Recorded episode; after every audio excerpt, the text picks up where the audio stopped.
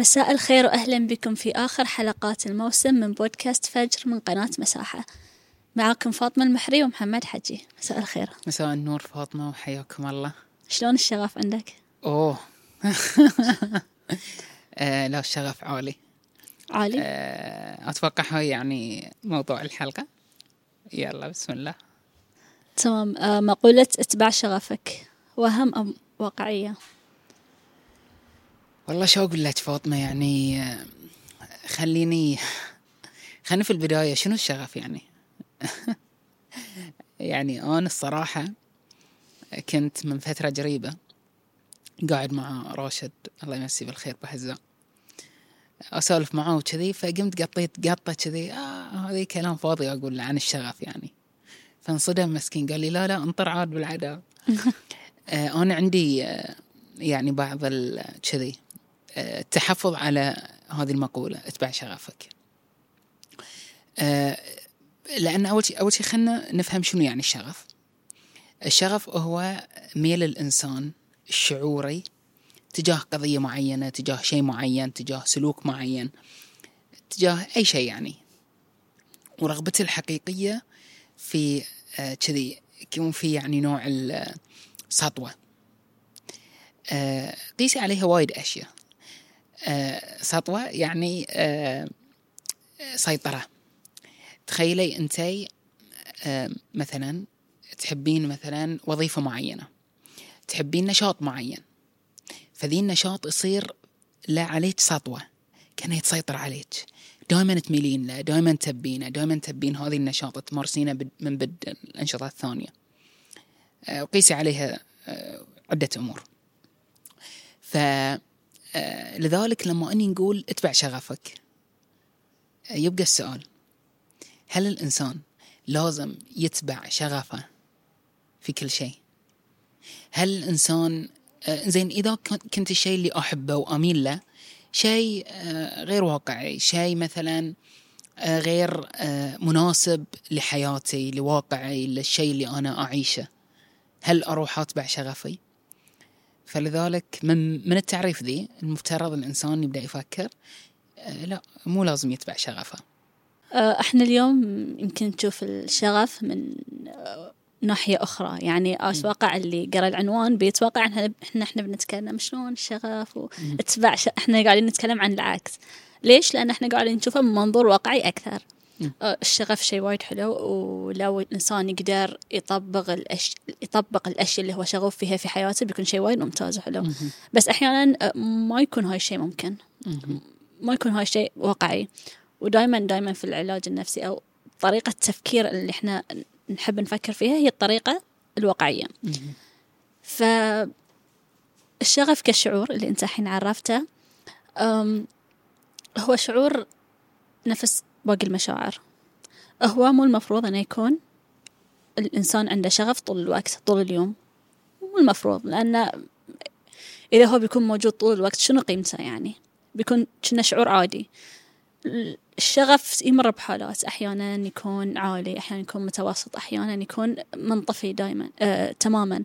فهو كشعور مو شرط المفروض يكون موجود طول الوقت.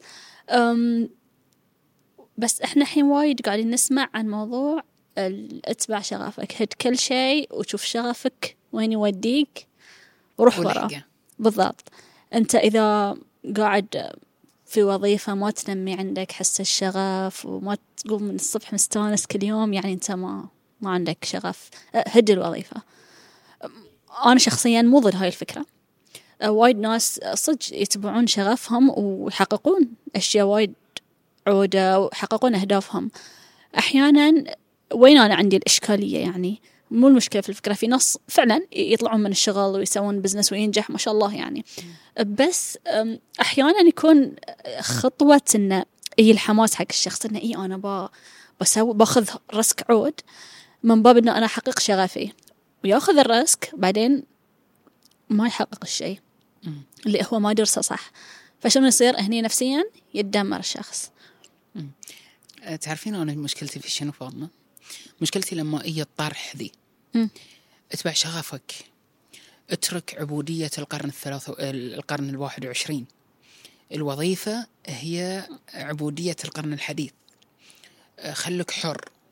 خل عندك حرية مالية. سوي لك بزنسك. أنت يعني حر نفسك. فذي الكلام شو يسوي في الإنسان؟ مقنع. صح. يتحمس يهد شغله. عقب ما يحصل وظيفة فيني العيادة وعالجه آه مشكلة لما إحنا نشوف إن الشغف هو الحل الوحيد. بالضبط. وإن ذي الخطاب يكون خطاب جماهيري بل بالعكس هذا الخطاب خطاب نخبوي. بالضبط. خطاب يناسب البعض. بالضبط. في دراسة سوتها أحد الجامعات الأمريكية شافت أن كم نسبة الناس اللي يعملون مهنة يعني يمتهنون مهنة هي تمشي مع شغفهم من كل مجتمع. شافت أن نسبتهم 20% فتخيلي أنا آية أخاطب المجتمع كلكم يلا تركوا وظائفكم وتبعوا شغفكم. مو منطقي. من اليوم يعمل في شغفه؟ قليل. بس مو معناته إن ذلين كلهم ناس فاشلين.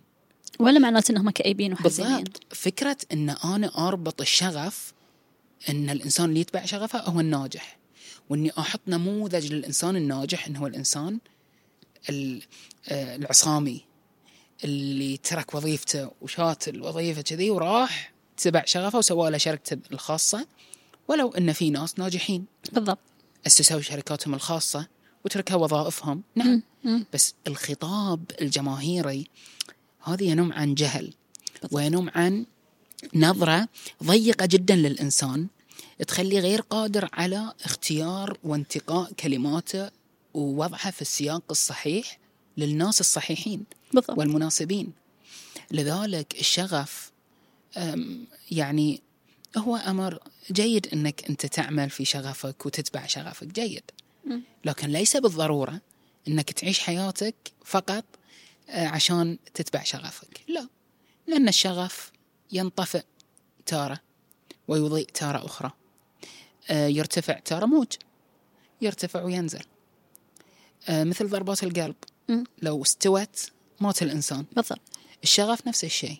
لو استوى قد يصل الإنسان في بعض الأحيان إلى الاكتئاب. صح. لكن طبيعي إن أنا أنا أحب مهنتي وأحب شغلي. متى حبيت شغلي؟ عقب ما اشتغلت مو قبل.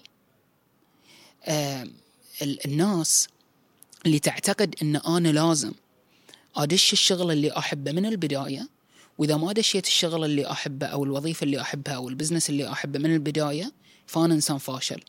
هذه نظرة سطحية ونظرة بعيدة كل البعد عن الواقعية والحياة الحقيقية اللي يعيشها البشر اليوم. آه اليوم نحن نعيش وفق الحاجة. لا وفق الشغف. إذا أنا بالحق شغفي بضيع أحيانا. أنا ألحق ما أحتاج. أنا أحتاج الوظيفة ولو كانت أمر ما أحبه في تخصص ما أحبه. لأن إحنا يعني نعمل وفق الحاجة. أنا محتاج الوظيفة فإذا بعملها حتى لو ما كانت في تتماشى مع شغفي. صح لكن أنا يمكن أختلف معك شوية. في موضوع أن الإنسان بعد ما ما له داعي يتأقلم على وضع هو يعني نقول مضايق منه أو قاعد يأثر على حياته. آه، بعد مو القصد إنه يلا الشغل هاي وايد مضايقك فنش وخلاص. لا يعني في في طرق ثانية مثلا يطور مهاراته عشان يقدم حق شغل ثاني أو يحاول. أو مثلا إذا الشخص نفس ما أنت قلت خطاب اتبع شغفك مو حق الكل. الله خلقنا كلنا مختلفين كل واحد عنده skills مختلفة. في ناس فعلا تعطيها يعني مثلا business تبدلك. هي تقدر يعني يقدرون ينجحون في هاي المجال. في ناس ينجزون أكثر لما يتلقون الأوامر لما أحد يعطيهم شيتة واضحة داوم من هالوقت لهالوقت هاي المهام اللي عليك تسويها هاي مريح بالنسبة لهم. في ناس بالنسبة لهم أن أنت تداوم من هاي الوقت لهاي الوقت هاي شيء قاتل مو حق الشغف قاتل لهم يعني أنه أنا شنو ليش ليش قاعدة أعيش كذي؟ يعني أثر على جودة حياتهم. فما نقول بعد اللي مأثر على جودة حياته مو واقعي يعني مو كل من عنده القدرة إنه مثلا يلا يهد شغله ويمشي. يعني لو مثلا أبو عنده عيال عنده مسؤوليات بيهد شغله وبيمشي هني أنا لو أقول كذي أنا هدمت حياته يعني. لكن في طرق ثانية يقدر يتبنى فيها شغفه مثلا يقدر يفتح له بزنس وهو يشتغل مثلا. يعني شوفي انت خطابك خطاب فردي. بالضبط. يناسب أفراد. بالضبط. صح. ما في مشكلة في ذي الخطاب. لكن أنا فكرتي إن لما أنا أعمم خطابي هذه اي واقول حق الناس لا الأصل إن الإنسان يتبع شغفه والأصل إن الإنسان يبحث عن الوظيفة اللي تتناسب مع شغف شغفه. آه، كنت مرة قاعد في مكان فيا يا واحد يتحلطم في شغله أنا هذه مسؤولي كذا. فيا واحد قال له شنو؟ قال له آه أنت عبد.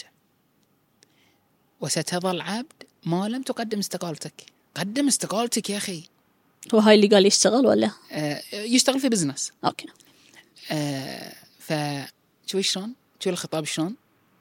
زين لو على فرض إن هذا الشخص فعلا صدق ذي الفكرة. إي صدق والله ليش أنا ما أقدم ياخذ؟ الحماس. وياخذ الحماس. والإنسان يشتغل في الح... لما يتحمس آه، بيحفر الأرض بيده وريله. صح. بس الحماس آه، يعني موج. ينطفئ ويضيء. فتخيل يهوب يقدم استقالته ويدور وظيفة ثانية. السلام عليكم ما في يقعد في بيته. بيسب وبيلعن اليوم اللي قال آه، قال إنه وين؟ وين؟ فالفكرة التوازن مطلوب. واتبع شغفك. نعم اتبع شغفك بما يتناسب مع الواقع. بدال ما أنت تتبع شغفك ب يعني بلا واقعية بالعكس اتبع شغفك بما يتناسب مع الحاجة والواقع. بالضبط. آه، إحنا ليش نتعب؟ عشان نهاية الشهر ينزل لنا راتب. ليش؟ عشان شغفنا؟ لا لأني أنا محتاج الراتب. لأني أنا محتاج الوظيفة. لأني أنا محتاج المال اليوم. آه، في كتاب جميل اسمه Money. مم. آه، سيكولوجية المال. كان يتكلم شلون المال اليوم هو من يقود المجتمعات وهو من يحرك بالضبط. المجتمعات وهو من يحرك الإنسان. إحنا ما نبي نكون ماديين لكن نبي نكون واقعيين. اليوم المال مهم. صح. الشغف اليوم لما أنا أتبعه قد ما يدخلني مال. طيب أنت جاهز؟ إذا جاهز كيفك؟ الأمر لك. بس مهم إنك تشوف الأمر بذي الطريقة بذي التوازن. مو بالاندفاعية بس تعال وادفع شغفك ودش في الطوفة. بالضبط. بالضبط. وكل واحد نفس ما قلنا ظروفه تختلف. يعني لو واحد يقول أنا فنشت من الشغل وسويت لي business وشوف أنا الحين ناجح وعندي صح. زين أنت يمكن مهاراتك تختلف عن مهارات الشخص اللي وقدرتك. قدراتك تختلف. أنت يمكن ما عندك مسؤوليات. أنت يمكن مستواك المادي ممتاز. أنت already يعني لو كم شهر ال business ما دخل لك شيء أنت وضعك تمام. لو توجه الكلام حق شخص عليه قرضين وعنده عيال وقاعد يعني معاشه قاعد يعيشه يعني ش... ليش شهر بس؟ لنص الشهر بعد ساعة. لين شهر. صح 100% فهي الشغلة زين بعدين والمسؤوليات اللي عليه. بعد نفس ما انت قلت أنا سألتك ال... اتبع شغفك واقعية أم وهم؟ لأن بعض الأحيان يوصل لمرحلة الوهم. إنه يتوهم الشخص إنه هو أي بزنس اللي من أول يوم بيصير بيصير ناجح وبيدخل. صح 100% فيعني. الاطلاع بعد مهم. قبل لا تأخذ القرار إحنا يمكن قاعدين نركز على الشغل بس هو الشغف في أمور الحياة كلها 100% يعني. الواحد يدرس الوضع يشوف يتعرف على نفسه يشوف مهاراته شنو أنا مهاراتي وين أقدر أخليها تفيدني. وفي ناس مثلا يشتغلون هم شغلهم ما قاعد يجيب لهم شغف. يعني الشغل بس موجود حق معاش نهاية الشهر بس لكن مسوي لهم شغف ثاني. فيومهم ما يتمحور على الشغل نفسه. يومهم يعني كنا الشغل بس كذي كنا رايح كنا موعد ولا واتفر وياي. هو شغفه في اللي يسويه عقب الشغل. وهذه نقطة مهمة بعد إذا الشخص ما كان عنده شغف حق شغله ما له داعي إنه هو يكون محور الحياة. أخذه كشيء سبيل للوصول إلى المادة حياتي الثانية أنا هني أحط أشياء أزيد أشياء اللي تزيد عندي الشغف. مثلا في ناس مثلا أم، سنومية العلاقات هاي شيء يحسسهم بالشغف يحسسهم بالحياة. في ناس هوايات إلى آخره تقدر تطلع منها فلوس أو ما تقدر بس في النهاية الحياة ما تتمحور على هاي الفكرة فكرة الشغل. مع أنه أنا أشوف أنه اللي قاعد يصير هو العكس يعني أنت تشوف أحد دار شلون تشت... وين تشتغل؟ يعني صاير أنه هويتك هي شغلك وهو مو المفروض كذي. هويتك هي أنت. شغلك جزء من حياتك مو بأنت. آه، في أمريكا فاطمة آه، قبل تقاعد الإنسان بخمس سنوات يبتدون يأهلونه حق مرحلة ما بعد التقاعد مم. ليش؟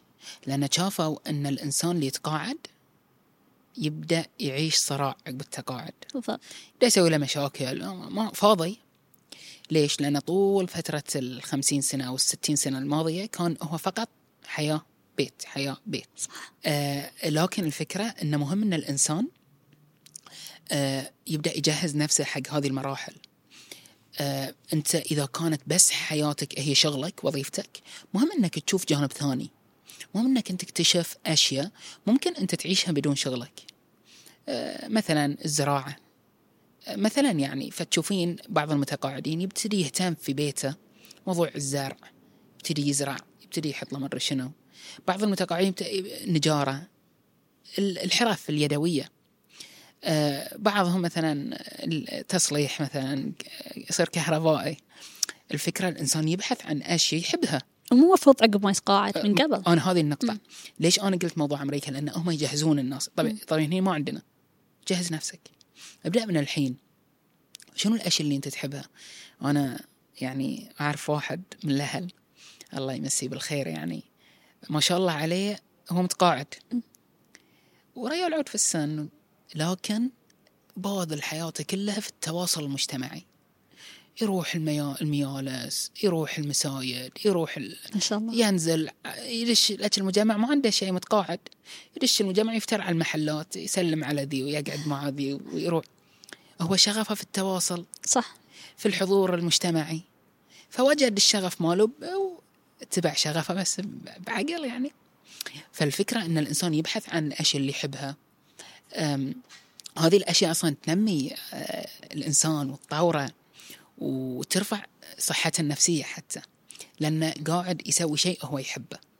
فالتواصل مثلا التواصل المجتمعي التواصل مع الناس حضور الفعاليات آه، المهن والحرف اليدوية من زراعة وتجارة وصناعة ونجارة وغيرها يعني. طبعا في أشياء بعد الأمور الإلكترونية وغيرها. أنا مو مو في طور آه، إني أدور عن شغف الناس يعني أجيب بدائل الشغف لكن الفكرة إن الإنسان مهم إنه يشوف شنو الأشياء اللي هو يحبها. والأشياء اللي فعلا يجد فيها نفسه. بالضبط. ويبدأ يسويها. في واحد حفظ القرآن وهو عمره ما يقارب ال 65 ما شاء الله. تقاعد ما عنده شيء. اكتشف إن هذا الشيء حلو فمضى سنوات وهو في البحرين. شاف شيء أنا أحبه ما ما بسوي. لا أنت ما يحتاج تنطر ذي العمر. بالضبط. دور الأشياء اللي أنت تحبها تنمي فيها مهاراتك أو تشوف شغف شغفك فيها وبحث عنها من الحين. أحيانا الانسان يبتديها كشغف كهواية بعدين تتحول هي مصدر رزق. يعني صح. أنا أعرف ناس كذي صار لهم إنه بدأوا كمصدر آه كهواية بعدين تحول مصدر صح. رزق وصدق هدوا شغلهم. صح. بس كان في خطة مدروسة. مو ما كان قرار خذوه بالحماس. صح. موضوع اتباع شغفك صاير في عصرنا الحين الحديث أكثر من قبل. يعني قبل ستين سبعين سنة ما أتوقع أنه كان الواحد عشان يشتغل كان يقول أنا ما بشتغل هاي الشغلة لأنه مو بشغفي. ما كان عندهم هاي الخيار. صح. فأعتقد أن الحين صار في خيارات أكثر. وصار في بعد الخطاب قام يوصل بشكل أسرع حق الناس. أه تعرفين ليش قبل ما كان في موجود ذي الطرح؟ لأن قبل من يقود الإنسان هو حاجته. بالضبط. أنا شنو أحتاج بسوي؟ بالضبط. فتشوفين الواحد يعني حتى الأول في البحرين مثلا الأول في البحرين ما في راتب شهري في كروة اليوم. شنو الكروة؟ أنا أشتغل من الصبح أشوف نهاية اليوم كم بطلع لي؟ أطلع لي بربية مئة ربية ألف ربية عاد كل واحد وش اسمه. نعم كان في وظائف الحمد لله إحنا دولة مدنية ومتقدمة يعني. بس أقصد أن الناس كانوا عموم الناس آه، يشوف كروتة. كروة اليوم شنو؟ إن أنا أشتغل طول اليوم وأشوف نهاية اليوم كم بيطلع لي. بس آخذ ذي الفلوس اللي بتعيشني باكر. باكر نفس الشيء أشتغل وأشوف بتعيشني حق عقب باكر وهكذا. فأنا أشتغل وفق الحاجة. بالضبط. هذه واحد. اثنين أشتغل آه مو بس لأني محتاج أشتغل عشان أعيش. ما عندي خيار يعني. ما في خيار. اليوم لا خيارات وايد ومقارنات وكل واحد يشوف. فأنا اليوم قاعد في البحرين وأشوف ربعي مثلا في الديرة الفلانية رواتبهم كذا. أقارن. أبي أنا كذي. أبدأ. زائد أن التنافسية عالية جدا اليوم. اليوم أنا ممكن أكون طبيب بس ما حصل وظيفة. قبل أنا طبيب أصير رئيس دولة. بسهولة بحصل وظيفة يعني هذه لأن التنافسية زادت الحين. طبيعة الحياة المدنية والحياة الحديثة صعبة. وفيها تنافس عالي وفيها مقارنات وفيها يعني تنافس شرس يعني. فلذلك مهم إن الإنسان يكون واعي حق ذي كلها وإنه يعرف إن أنا ما أتخذ قرارات باندفاعيه بدون دراسة خطة وبدون كذا. فأرجع حق نقطتي إن الإنسان قديما كان يعمل وفق الحاجة. أنا ما أقول اليوم الإنسان بس يعمل وفق الحاجة. لا في طموح يعمل من أجل الإنسان وفي أهداف عليا وفي قيم ومبادئ يعمل من أجلها الإنسان وفي حاجة يعمل من أجلها الإنسان أيضا. مو فقط حاجة إحنا مو كمبيوتر إحنا مو آه عفوا يعني الإنسان ليس حيوان. الإنسان إنسان صاحب فكر صاحب قيم عليا صاحب مبادئ وأيضا لديه احتياجات فيعمل وفق هذه المنظومة. إذا عمل بهذه الطريقة ممكن أن يبحث عن شغفه ممكن أن تكون وظيفته موجودة ممكن أنه يكون بهذه الطريقة. آه، تمام. أنا الحين أبي أتكلم عن انعدام الشغف.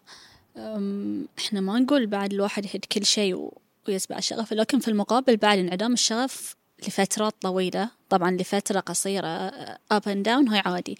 لكن لفترة طويلة يعني لو مثلا شخص يقول أنا الحين من متى من سنين ما حسيت بالشغف تجاه أي شيء. هاي بعد آه، علامة مو زينة.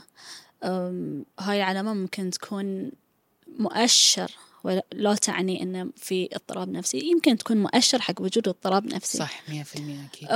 فالإنسان بعد يمكن مع سرعة الحياة مع المسؤوليات ما يعطي وقت حق شغفه.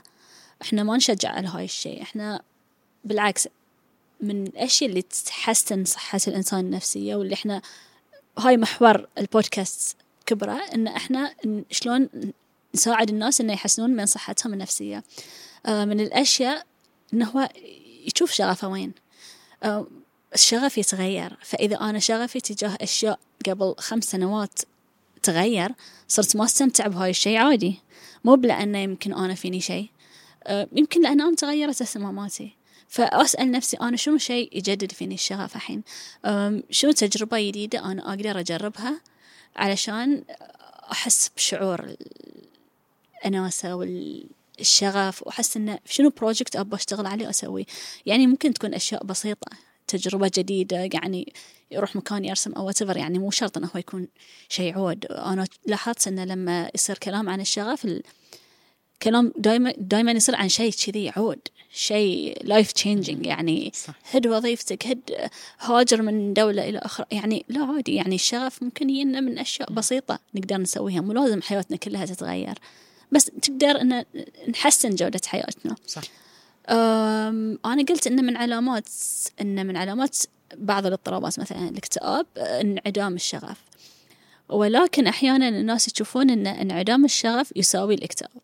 أنا مالي بارض شيء أنا تعبانة أنا مالي ما عندي أي دافع إن أنا أسوي أي شيء فيظنون إن هذه اكتئاب. فإحنا هنا نبي نفرق الفرق بين الاكتئاب وبين انعدام الشغف. صح مئة في المئة. أصلا أنا وايد أسمع ذي الكلمة. أنا كنت أحب وظيفتي صرت ما أحب وظيفتي. أنا مكتئب. لا مو شرط. الاكتئاب هو مجموعة أعراض تأتي في وقت واحد. بالضبط. أه تبدأ تعطل حياة الإنسان وتصير أه يعني معطلة لحياة الإنسان معطلة له وظيفيا اجتماعيا نفسيا. أما انعدام الشغف شعور قد يصاحب الضغوط قد يصاحب تغير الظروف. قد يصاحب بعض الظروف الصعبة اللي مر فيها الإنسان. التعب الجسدي. قد يصاحب التعب. قد يصاحب المرض.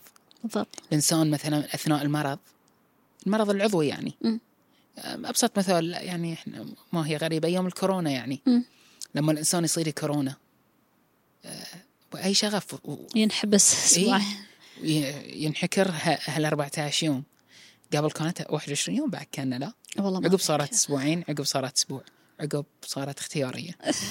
فالفكرة أنه ينحبس كل هالحبسة تبين فيه شغف ما هي شغف. وردي ما شهور ما يطلع ما يشوف أهله بالضبط. بالضبط. شيء طبيعي يعني.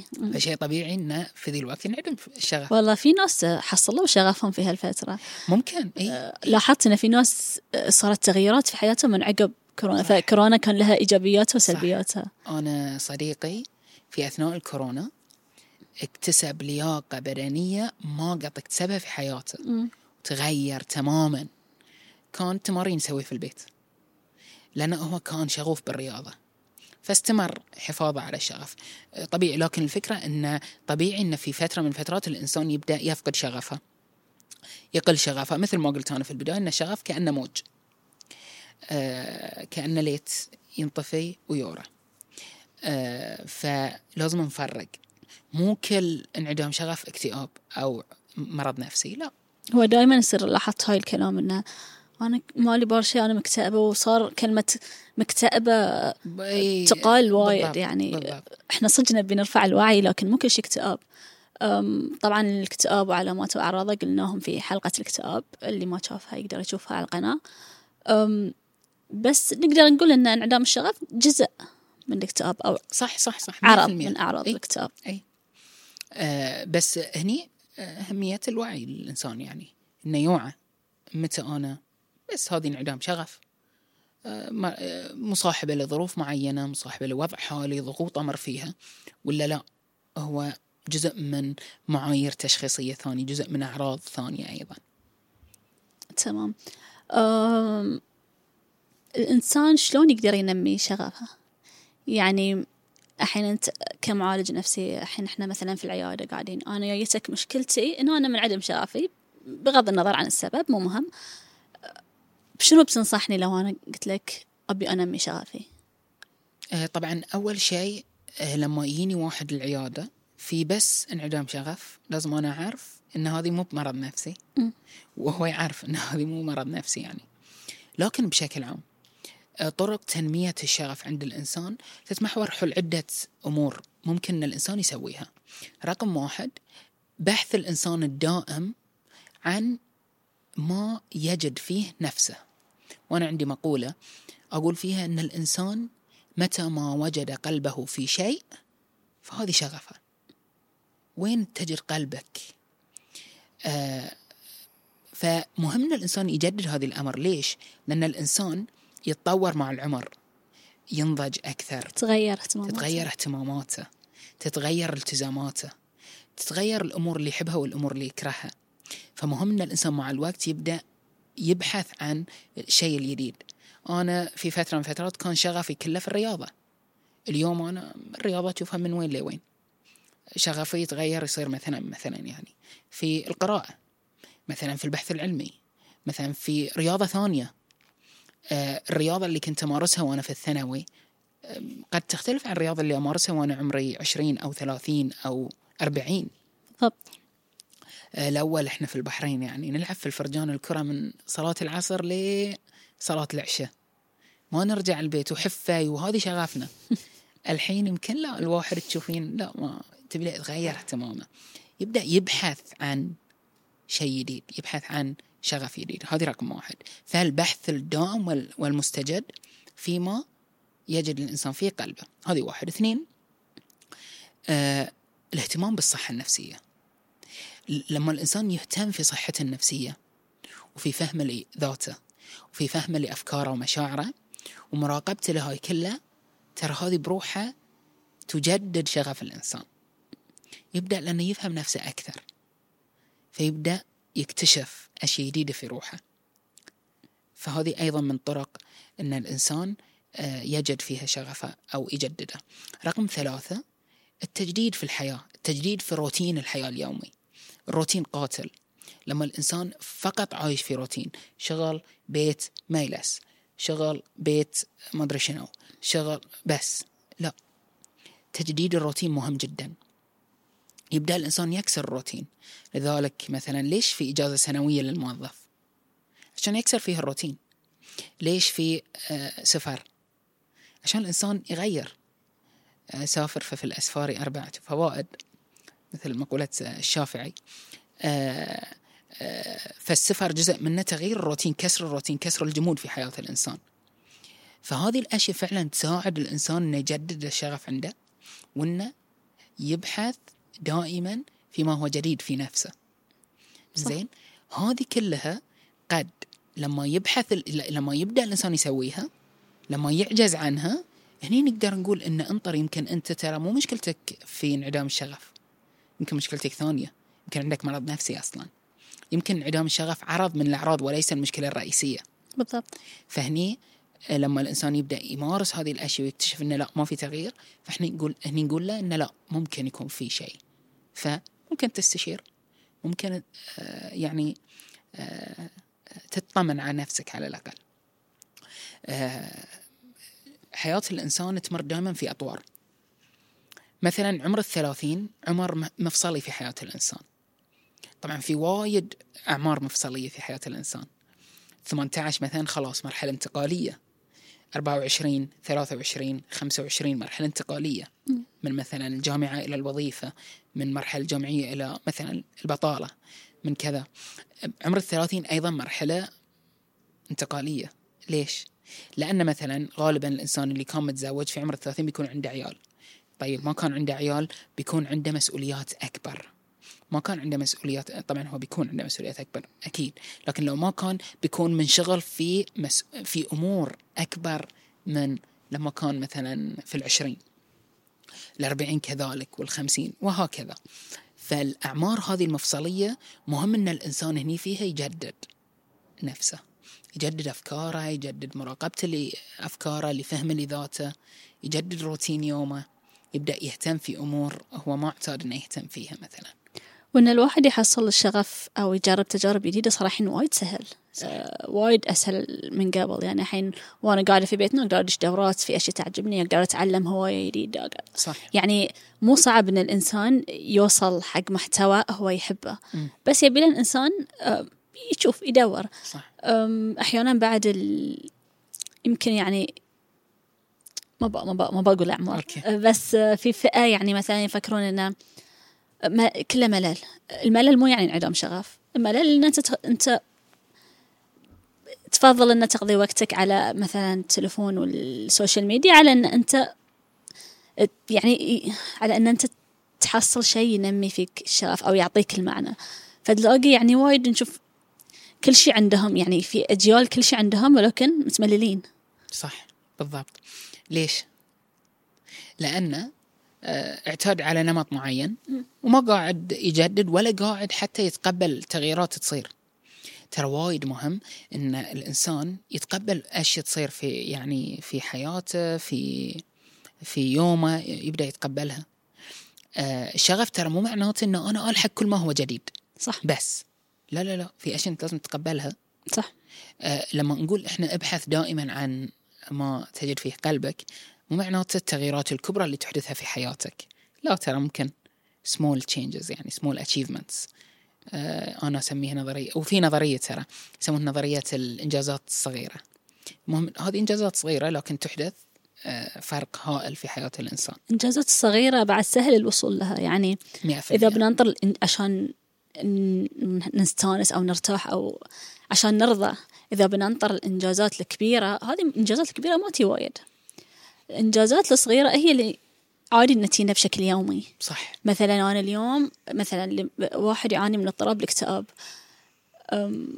أنا اليوم أنا اليوم قمت من السرير وطلعت من البيت.